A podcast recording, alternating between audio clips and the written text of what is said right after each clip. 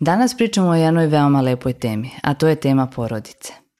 Šta smo mi sve dobili samim rođenjem u određenoj porodici, šta to sve možemo poneti dalje, pričat ćemo danas sa Marijom Tričković-Pejn, koja je sistemski porodični terapeut i koja se bavi jednim veoma zanimljivim vidom terapije, a to je sistemska porodična terapija, odnosno poredak ljubavi ili porodične konstalacija – Ako do sada i dalje niste čuli za ovaj vid terapije, ostanite sa nama i saznajte o čemu se tačno radi.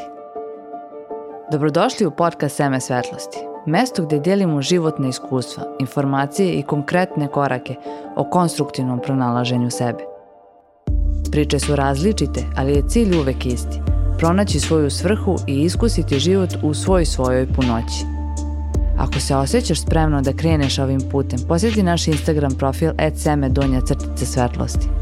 Nego hajde da vidimo da li ćeš baš u ovoj epizodi čuti tu informaciju koja će u tvom životu pokrenuti lavinu pozitivnih promena. Zdravo svima!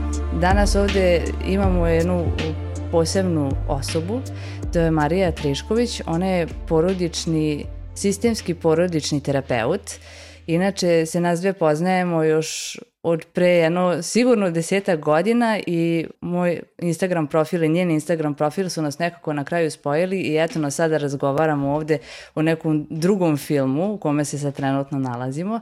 Zdravo Marija, kako si? Zdravo Marija. da. Odlično sam, hvala na pitanju. Da, jako mi je drago što si moj gost u ovom podcastu i radujem se što ćemo pričati o na temu porodice, predaka i svega lepoga što to nosi sa sobom kao i kako da rešimo one neke možda ružne stvari koje to nosi. Pa ako možeš samo za početak prvo da nam se predstaviš, pa ćemo posle da razgovaramo o sistemskoj porodičnoj terapiji. Hvala tebi što si me pozvala i hvala ti na poverenju. Da, ja tebe pamtim evo 10 godina i uh, mislim da smo se konektovali još prvog trenutka kad smo se upoznale. Da. I evo, posle 10 godina smo opet tu na neke nove teme i po mom mišljenju je to baš sjajno što je tako. Što nismo ostale tu gde smo bile pre 10 godina. Sigurno, da. Ja sam Marija Tričković-Pejn, nisam samo Marija Tričković. Rodnom sam iz Vlasotinca, Zapravo sam rođena u Leskovcu, živela sam u Vlasotincu pola života. Mm -hmm. A, zatim sam živela u Nišu 10 godina, pa u Pirotu, sad sam trenutno u Beogradu, a u buduće vidjet ćemo kako će to biti. Super. Pa ovako bih se predstavila. Po formalnom obrazovanju sam zdravstveni radnik iz neznanja, ja bih to tako rekla. Mm -hmm. a, profesor srbistike u pokušaju, objasnit ću vam mm -hmm. zašto je to tako privremeni mrežni marketer, sistemski porodični terapeut iz ljubavi, a e, globalno bih rekla o sebi da sam radozdalni student života, fasciniran ljudskom psihom i savršenstvom prirode. Divno, to je odlično samo jedan delić uh, mene.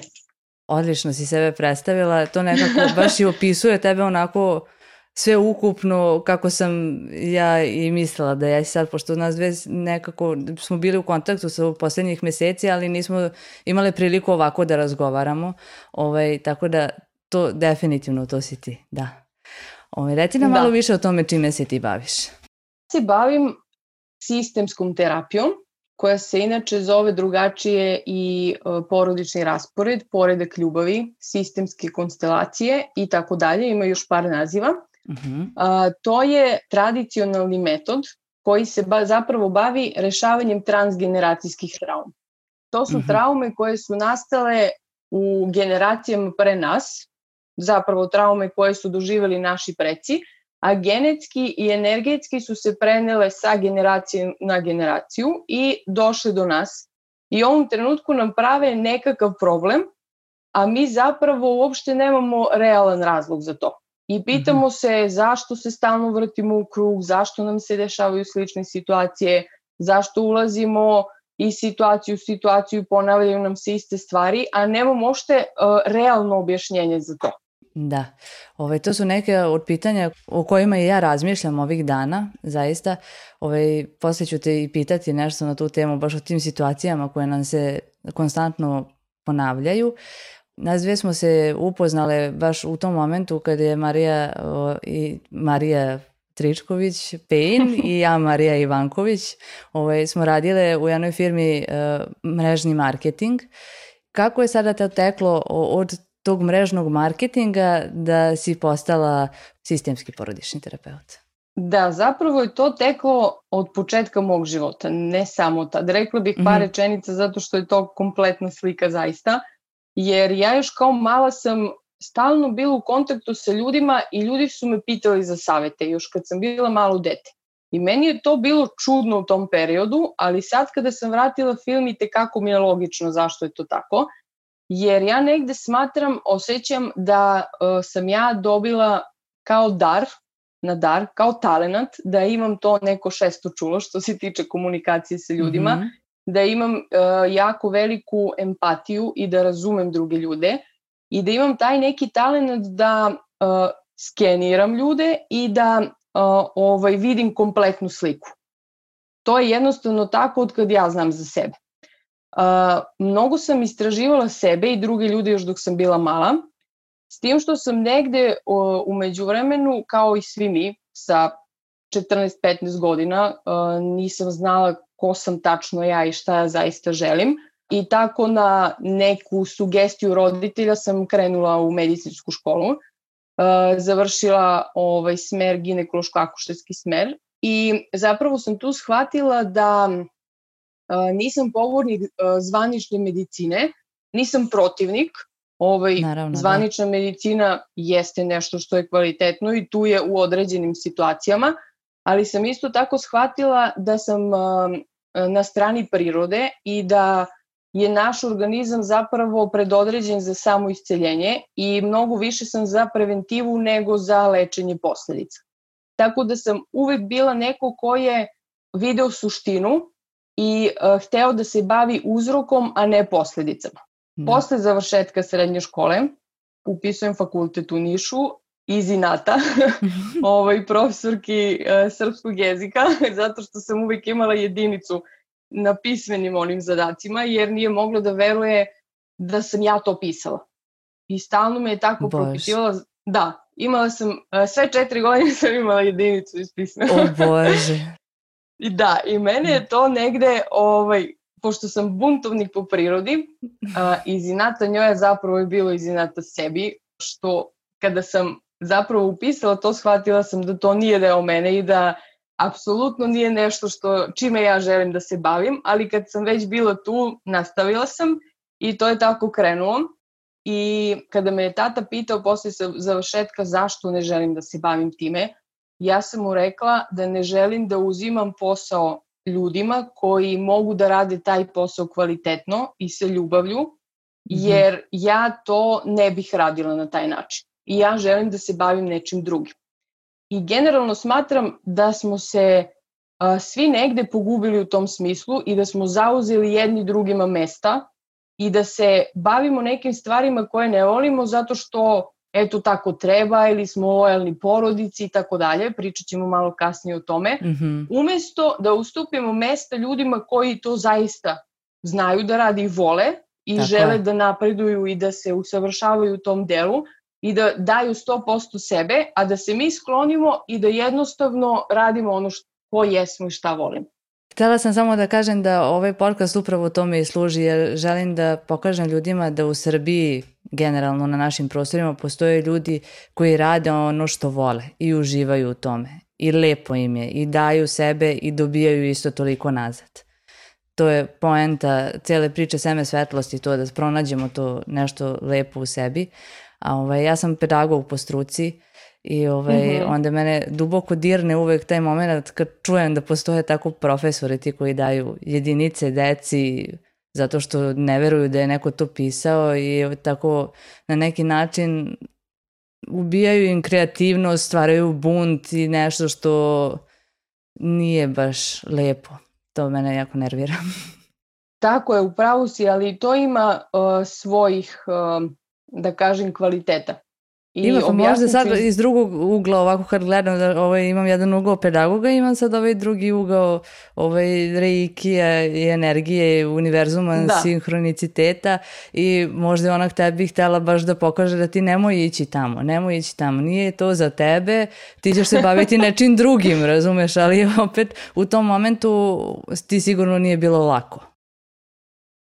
Da, uopšte mi nije bilo lako šta više. To mi je bio najgori period u životu, srednja škola. Čak sam mm -hmm. dve nedelje imala krvarenje iz nosa oh, i niko nije znao zašto je to tako.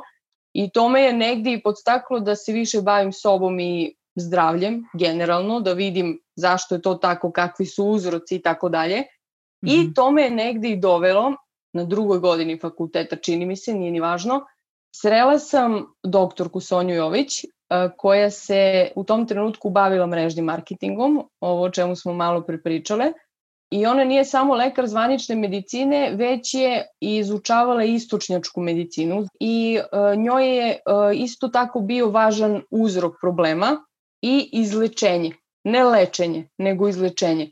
Nažalost, svi lekari su u fazonu da žele da leče ljude, ne da izleče, zato što im to nije profitabilno, što je, ja sam bila da. u šoku u jednom trenutku kad mi je lekar na diplomskom svom tako rekao, da on želi da, da leči ljude, ne da izleči.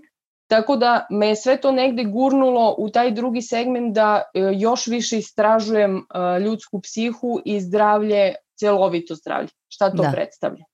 I u tom trenutku sam zapravo ja i krenula sa ličnim razvojem intenzivno. Tada sam imala 24 godine, čini mi se. I u tom trenutku sam čitala četiri knjige nedeljno uz ispite godinu dana, zato što mi je toliko bilo potrebno to znanje, bukvalno da. sam upijala. Ovo kažem zato što ljudi mi generalno kažu nemaju kad nešto da rade. To nije istina. Nije istina. Važno je da znamo šta želimo. Kad da. želimo, uvek se nađe vremena za to. Tako je. Tako je i krenuo taj moj put ličnog razvoja. Mrežni marketing je jako interesantan jer nam daje mnogo edukacije i to mnogo iskustva istina, da. za kratko vreme. Tako da sam ja u tom periodu išla na sve moguće edukacije i u, i u inostranstvo čak i, ovaj, i u Srbiji gde god sam stigla i upijala svo to znanje. Uh, I ovaj, mnogo sam radila sa ljudima. Bila da. sam lider u tom trenutku i jako puno sam radila sa ljudima, radila sam edukacije sa njima. Ovaj, to mi je jako puno doprinelo tome da shvatim i ko sam ja i da prođem kroz to iskustvo da negde sazim i da, da. znam da. ko sam ja kao ličnost i gde želim da idem. Ja se kod mrežnog marketinga je to stvarno zanimljivo, ti hteo, ne hteo, mislim, mi svi smo mi hteli, mi smo u tom momentu hteli to da radimo i bilo nam je baš super. Taj moment kada si sam e, u kontaktu sa jako mnogo ljudi, velika koncentracija ljudi tebi nedeljno prođe kroz život i ti Tako nekako je. naučiš i da komuniciraš sa njima, naučiš kako da se postaviš u određenim situacijama, kako da se postaviš u neprijatnim situacijama.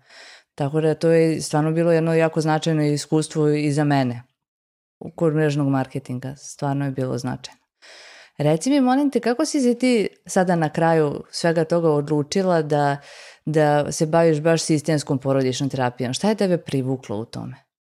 Privuklo me je to što ide jako duboko. Uh -huh. uh, ja sam se susrela i sa gestalt psihoterapijom ovaj, u međuvremenu i uh, kasnije sam došla do poredka ljubavi, do porodičnog rasporeda i tu me privuklo to što ne samo da se bavi individuom od rođenja nadalje, traumama koje smo doživjeli od kad smo se rodili nadalje, nego se bavi traumama, rešavanjem trauma koje su se desile pre nas. I to mi je bilo jako fascinantno i ovaj, takođe me je privukao način rada. Zato što je terapeut neko ko nadgleda celu situaciju, mm -hmm. ali nije neko ko se meša. Da. I ne zavisi od njega ceo taj proces, već od e, energetskog e, informacionog polja koje se dešava u tom trenutku i fascinira me zapravo ceo taj proces koliko je nepogrešiv.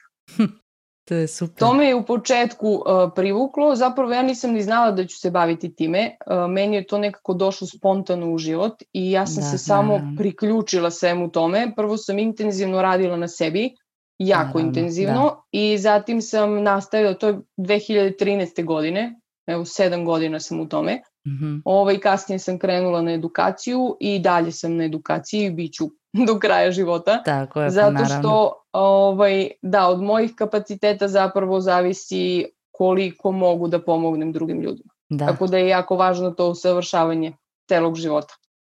Odlično, super. Kako to izgleda kada neko dođe na porodični raspored? Porodični raspored se uh, radi u grupi. Mm -hmm isključivo. Može individualno, ali je uh, delotvornije u grupi. Mm -hmm. Zanimljivo je to da klijent ne učestvuje u svom radu, već bira predstavnike za svoj rad. Aha. Na primer, ako ovaj, klijent želi da postavi odnos sa mamom, sad hipotetički pričamo, da. Ovaj, niko od prisutnih ne zna njegovu temu. Samo ja i klijent on meni kaže koji problem ima, koja je njegova tema, vratimo se u prostoriju, sedne pored mene i ovaj ustane i pita od prisutnih i jednu osobu izabere za predstavnika za mamu, jednu mhm. osobu za predstavnika za sebe. Naravno, pita da li neko želi da učestvuje i tako dalje, zatim stavi ruke na leđa i zamisli da je to baš ta osoba. Jedna osoba je mama, jedna osoba je ta klijent zapravo. I vrati se na svoje mesto. U radovima nema priče, to je isto jako zanimljivo. Mm -hmm. Ja radim na taj način. Moj mentor je Vlado Ilić, on je inače uh, doneo porodični raspored u Srbiju, a učio je od rodonačelnika poredka ljubavi, Berta Hellingera, koji je prošle godine umro u 93. godini života i radio je do kraja života, što mi je takođe fascinantno. Da. Nema priče u radovima, predstavnici se ponašaju u skladu sa svojim osjećajem. Kasnije se uvode drugi predstavnici u zavisnosti od toga u kom smeru ide rad. Mm -hmm. A klijent je neko ko posmatra bukvalno svoj život ispred svojih očiju, kao neki film. da, baš zanimljivo zvuči, voljela bi jednom uživo da prisustvujem takvom vidu terapije. Zaista mi zvuči fascinantno. Uopšte ne mogu sada to da zamislim kako to tačno izgleda. Verovatno te kad si da. prisutan na ovoj terapiji onda razumeš šta se tu dešava. Tako je. Ti si sigurno kroz svoj rad, kroz porodični raspored imala dosta situacija i susretala si sa tim da ljudi imaju prenesene programe da od svojih roditelja, da od nekih daljih predaka. Negde u ovom čime se ja bavim u Reikiju mi smo tu učili da ti uh, bukvalno nasleđuješ karmu od prethodnih sedam kolena Mhm. tvojih. Mm -hmm. Ti nasrađuješ porodičnu karmu, odnosno biraš da se rodiš u porodici gde ti takva karma odgovara. Tako je. Kako ti sada da uh, osvestiš da su ti neki programi preneseni? Kako neko ko se ne bavi, na primjer, energetskim radom, reikijem, ko nema nikakvih dodirnih tačaka sa tim, da shvati da neko svoje ponašanje mu je zapravo preneseno, da je to karma porodice? Pa pre svega mora da donese odluku da želi da se bavi sobom. I da je to Svakako, da put do kraja života i da želi da se uh, bavi osvešćivanjem sebe, da bude prisutan u svom životu, da zna zašto radi neke stvari i da pre svega jako je važno da se na taj put krene sa terapeutom, jer mi sami u tom trenutku ne možemo da se sagledamo stvari onakve kakve jesu. To mi je kao žaba u bunaru koja tvrdi da je nebeski prostor kao obim bunara i ti objašnjava žabi da nije, ali ona ti kaže kako nije, jeste, toliki je. Ali onda izadi žabu napolje i ona vidi ah, koliko je nebo zapravo. Da. To je terapeut zapravo u, ovaj, u klijentu, klijentovom životu i on usmerava uh, osobu da pronađe te svoje skrivene obrazce koje je uh, negde ovaj sklopio u svom detinstvu, ali sa druge strane kroz um, radionice se jasno vidi koji je zapravo uzrok i gde se krije, u kojoj generaciji, šta se desilo, čak se vidi, vidi se uh, rat, vidi se sukob, vidi se, bukvalno se sve vidi. Sve je da. jasno. Svakom klijentu je uvek bilo jasno šta se dešava tu. Koliko da. god bilo abstraktno. Nikakva nije tu parapsihologija ili ne znam, nešto čudno, jeste u stvari čudno, ali nije nenormalno, pa nije. naprotiv. Uh, mi smo okruženi informaciono-energetskim poljem, morfogenetsko polje se to zove, i to je polje koje postoji od, od nastanka zemlje do dan danas.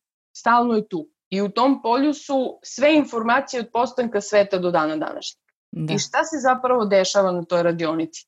Kada uh, klijent da nameru da je ta osoba predstavnik neke druge osobe, ta osoba automatski na nesvesnom nivou crpi informacije iz tog polja i da. ponaša se u skladu sa njima. To nije ništa nenormalno. To, to nije ni malo nenormalno, meni je to sasvim normalno, da. da, ovaj, jeste teško za shvatiti, ali je ovaj, normalno ako neko želi da istražuje u tom smislu, postoji naučni studije i tako dalje i sve više se ide u tom smeru, hvala Bogu. Hvala Bogu. E, tako da kroz radionicu jasno može da sagleda o čemu se tu zapravo radi. I na radionici se to i rešava. Dolazi se do poravnanja zapravo.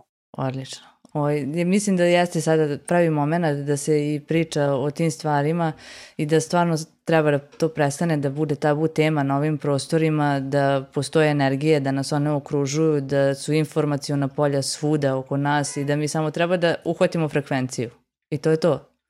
I mi sami Tako vibriramo je. i mi smo kao neke rezonantne kutije, samo treba da povežemo naš kabel sa tim poljem i to je to. Ove, ovaj, sve informacije su nam dostupne. Nadam se Upravo da će, tako. Da. Kako to radimo? Tako što sklanjamo sve ono što nije naše.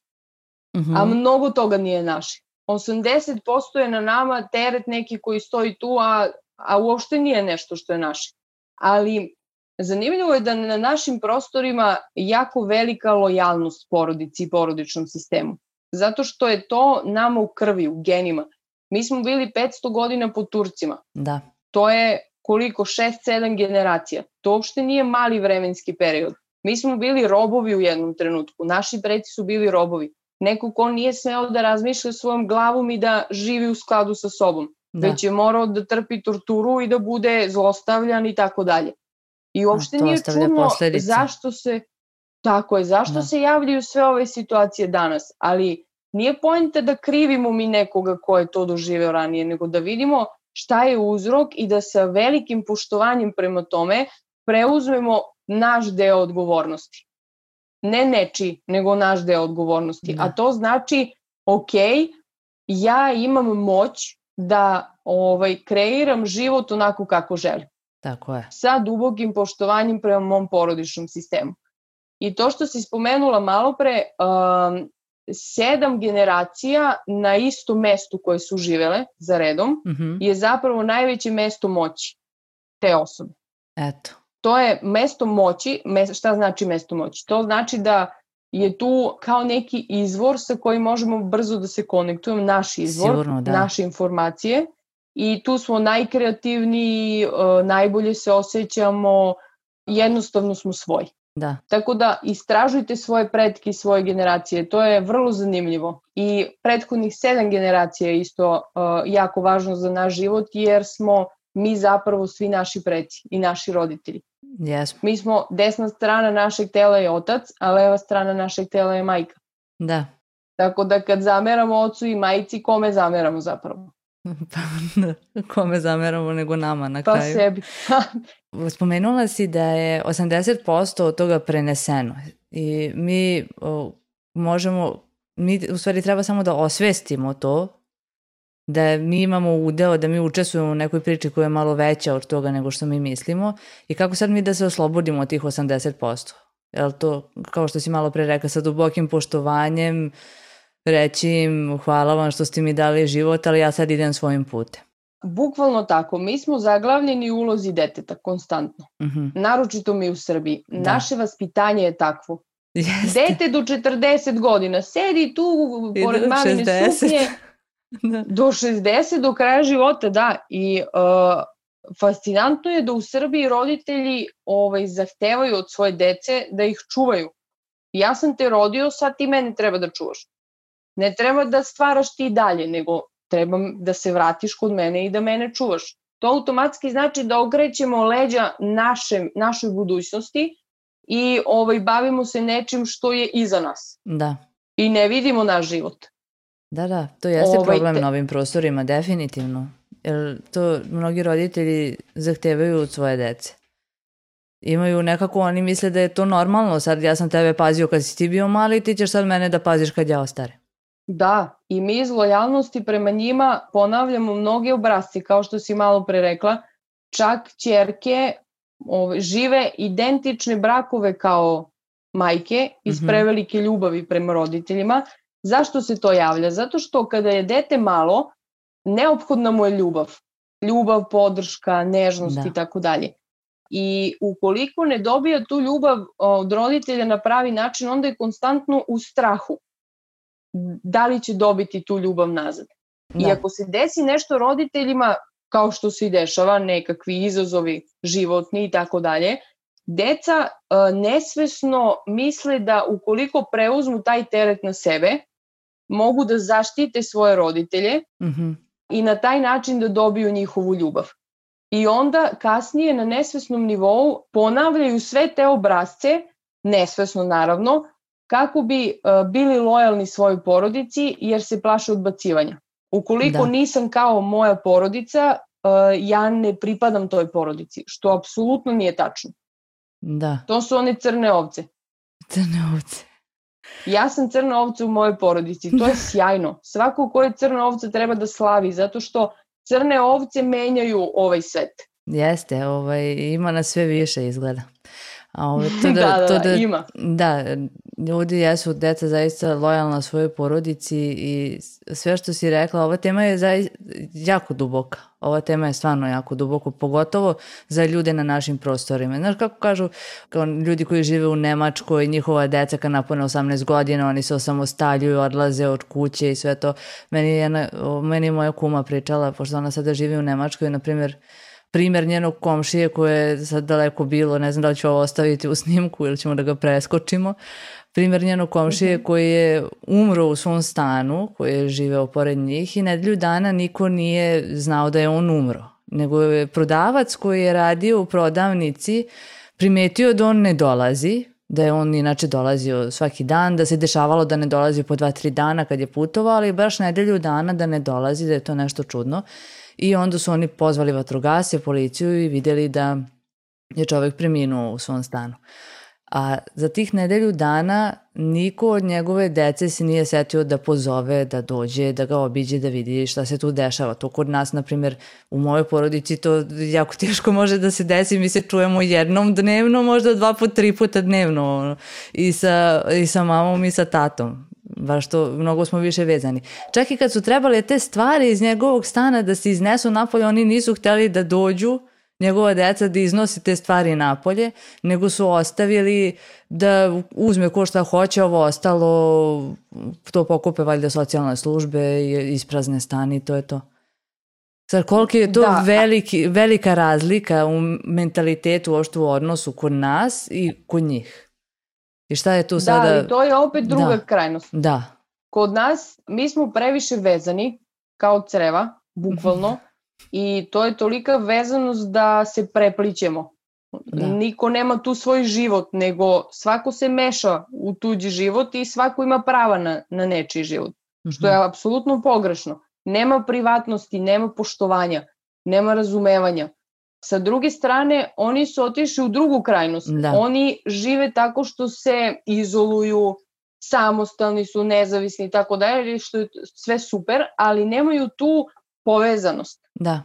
Suština je u povezanosti, ne u vezanosti. Mm -hmm, I a, nažalost mi u Srbiji učimo taj zapadnjački sistem, bukvalno taj. Živite sami i tako dalje, što nama nije u prirodi, našem narodu. Nije. Naši preci su živeli zajedno u zajednicama, pomagali su međusobno jedni druge. Da. Ja još pamtim, ja sam provela pola, pola života zapravo na selu, radili smo jako teške fizičke poslove i sećam se da smo isto tako porodice su pomagale jedne drugim. Dođu svi kod nas, radimo i onda sutradan idemo kod nekog drugog pa, pa radimo da, svi moba. zajedno. Normalna stvar. Tako je. Da. I ovaj, jeli smo zajedno, delili hranu i tako dalje. I to je nama u krvi, to je nama u genima, to je jednostavno nešto normalno za nas. Mi Da. patimo kada smo izolovani. Patimo. A nama kaže sistem, budite izolovani, nemojte da imate toliki kontakt. Je li tako? Da, I gde to to može vodi? samo dovesti Vodi do jako bolest. velikog da, disbalansa uopšte. I ovako nam je disbalans u društvu, samo nam fali još više toga. Ove, kako naći, je, kako naći druge- neki balans, kako naći neku sredinu tu sad između? Da ne budeš previše E, vezan, a da opet budeš u svoju porodicu. to sam htjela da kažem. A, najveći pojam u Srbiji, ja mislim da je postavljanje granica. Mhm.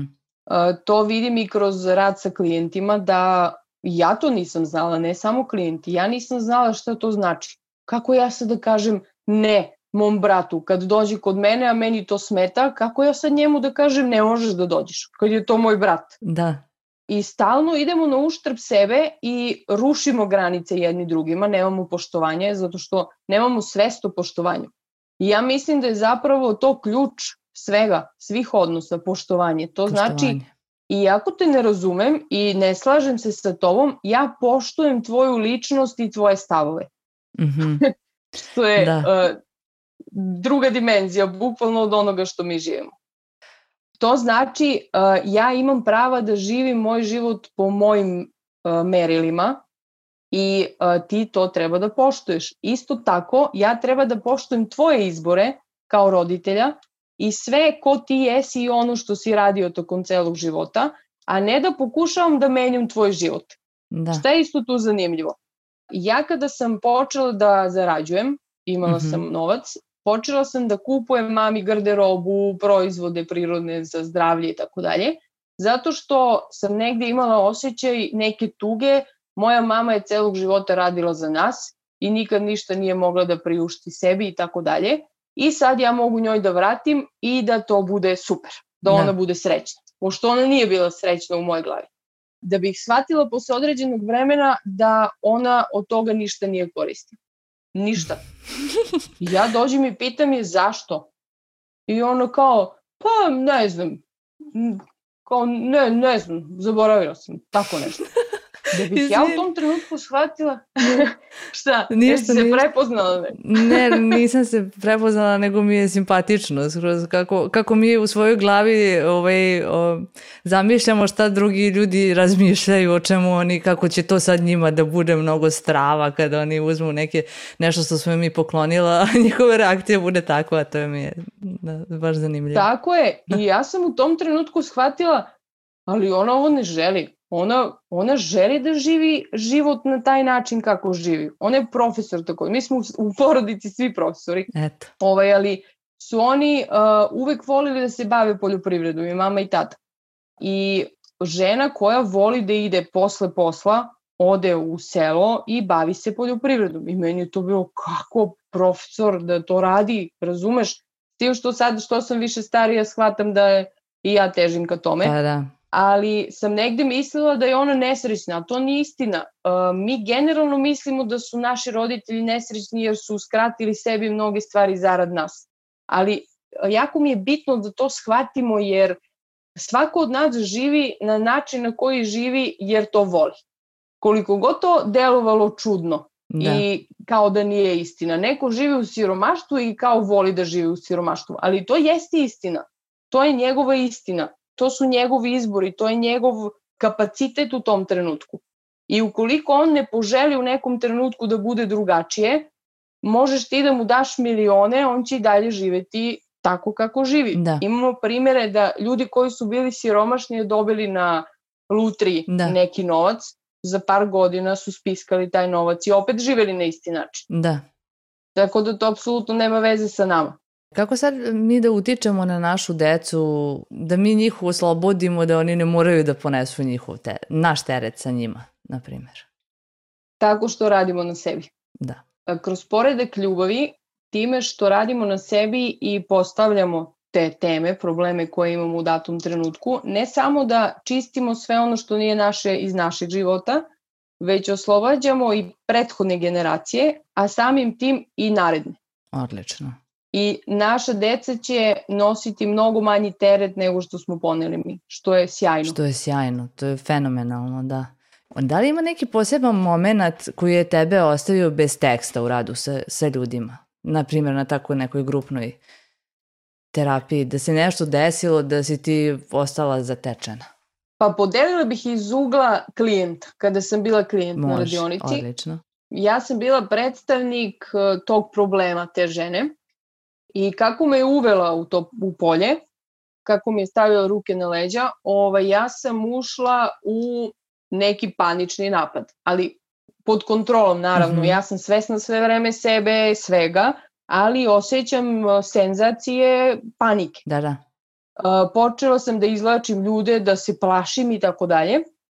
I završila se ta radionica kako se, sve je bilo ok, da bi ta žena posle par dana došla i rekla nam kako je pronašla da je, zapravo šta je problem bio? Problem je bila agorofobija, strah Aha. od otvorenog prostora.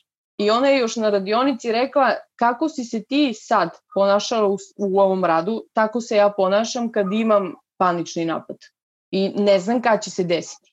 Pritom žena nikad nije doživjela ništa slično da bi imala uzrok problema. Da. Već izađe, ode do, na posao, krene napad i ona ne zna šta da radi sa sobom. Da, tako da. da nije mogla sama da funkcioniše. Uh, posle nekog vremena je došla i rekla nam je da je saznala da je njen pradeda ubijen u ratu, mm -hmm. zapravo obešen na trgu i tu je stajao par dana, niko nije smeo da mu priđe jer je ratno stanje i tako dalje. I zapravo je on na tom trgu, jer je otvoren prostor, doživeo traumu i ta trauma se samo negde da, spakovala. Je, da. Tako je u DNK i prenela dalje i obično je zanimljivo da se prenosi na drugo koleno ne čak na narednu generaciju, nego na, na sledeću. Da, jednu preskače pa A, na sledeću, da. da. Unuci obično imaju posledice uh, trauma baka i deka i ona je imala zapravo uh, posledice toga, a nije imala realan razlog za to. Da. Tako da, eto, to je jedan od primjera koliko je fascinantno ceo taj metod. Jeste. Vrlo je fascinantan. Jeste, mi, mi stvarno nosimo sve to u sebi iz ugla Reikija isto se jedna generacija se preskače i na unuke se prenosi. Na Instagramu sam primetila da često o, okačeš slike i govoriš u centru Antares. Reci nam malo nešto više o tome. Gde se nalazi, kako možemo doći, šta se tamo događa, šta je tu zanimljivo? Da, kako je nastao? Da. Tako što smo se ja i Aleksandra uh, srele pre godinu dana, tako, slučajno, ništa u životu nije slučajno. Da i pričali smo o našim vizijama, koja je zapravo bila jako slična, to je da imamo centar, ja moj centar u prirodi, mm -hmm. I ona je takođe kao htela centar u prirodi, ali generalno je to bio centar za psihoterapiju, za duh i telo. Mm -hmm. Da bi par meseci nakon toga ona mene zvala i rekla da je odlučila da otvori centar u Beogradu, da želi to i da li ima moju podršku, na šta sam ja naravno odgovorila da i to je tako krenulo u novembru prošle u novembru, čini mi se, prošle godine smo uh, otvorile centar Antares i ta tu radimo. Uh, jako nam je bilo važno kakav je sklop ljudi u centru. Mm -hmm. Jako nam je bilo važno da su to kvalitetni ljudi koji se bave suštinom i imaju dobru nameru. Tako da smo okupili tim ljudi koji je jako kvalitetan. Možete da vidite na našoj stranici na internetu koji su to ljudi. Mm -hmm. svako je generalno pre svega jako dobar čovek i uh, jako puno rade na sebi i dalje i prenose svo to znanje na druge ljude i vrlo su svi autentični na svoj način. Odlično. Ove, ovaj, šta od terapija nekih možemo da nađemo kod vas? Ili to sve da ljudi pogledaju na internet stranici? E, mogu da pogledaju. Uh, generalno Aleksandra se bavi psihoterapijom, peatom između ostalog. Uh mhm. -huh. Ona je uh, psiholog i psihoterapeut. Možete da nađete i njenu stranicu da pogledate. Jako dobar psihoterapeut. Ja sam već rekla čime se bavim. Da. Tu su Magdalena, Stefan, videli ste ih takođe, imali smo i lajvove i oni su vrlo, vrlo autentični. Nataša se bavi uh, majanskim kalendarom, energetskom masažom, koje ne znam kako se trenutno zove. Da. I generalno su svi sklopili svo znanje i iskustvo koje su imali u svom životu i spakovali na jedan način i prenose to na svoj način. Tako da to nije sad jedna jedinstvena tehnika ili metod i to je to i ništa drugačije, već ceo spektar svega. Da, odlično. Svog ličnog razvoja i svega što može da pomogne u, u daljem rastu i razvoju. Odlično. Reci mi, koji mhm. su uh, vaši planovi ili tvoji planovi u narednih godinu dana? To je jako zanimljivo pitanje, zato što uh, mi pravimo planove, a Bog se sme, bukvalno. Jer da. imali smo neke planovi i za ovu godinu, ali se sve desilo tako kako se desilo da. i ok, što je tako, jer smo shvatili neke druge stvari, imali neke lekcije koje nas valjda spremaju za to buduće, ali generalno je moj cilj da se vratim uh, u moje rodno mesto, mm -hmm. zapravo u selo, i da tamo stvorim uh, mesto gde će ljudi dolaziti da se usklade sa sobom, sa sobom i sa prirodom. Odlično. Biće različitih aktivnosti, uh, biće različitih ljudi koji će takođe biti deo tog tima i imam jako puno ideja, ali potreban mi je naravno početni kapital, ali desit će se sve kako treba da se desi, sve u životu je novac nikad zapravo i nije problem. Da, Bitno je šta želimo, odlično. kakvu viziju imamo, sve ostalo da. dođe samo od sebe, tako je. Ideja tako da mi je to negde da. vizija uh, za naredni period, takođe i usavršavanje u inostranstvu, ali vidjet ćemo koliko je to moguće s obzirom na celu situaciju. I trenutno pratim sebe i događaj oko sebe i šta su mi znakove pored puta i bukvalno idem tako kao da hvatam svaki naredni talas. Super. Ne smem ni da kažem šta mi je naredni plan, da, jer, da. jer kako je trenutno ne zna se da li će se ostvariti. Ovaj, to je odlično i treba živeti što više u sadašnjem trenutku i videti prosto šta će da, da nam život nosi. Stvarno se dešava mnogo puta da ono što mi zamislimo i smislimo i osmislimo bude potpuno nešto drugačije, opet dovede do onoga krajnjeg što smo mi želeli da se desi.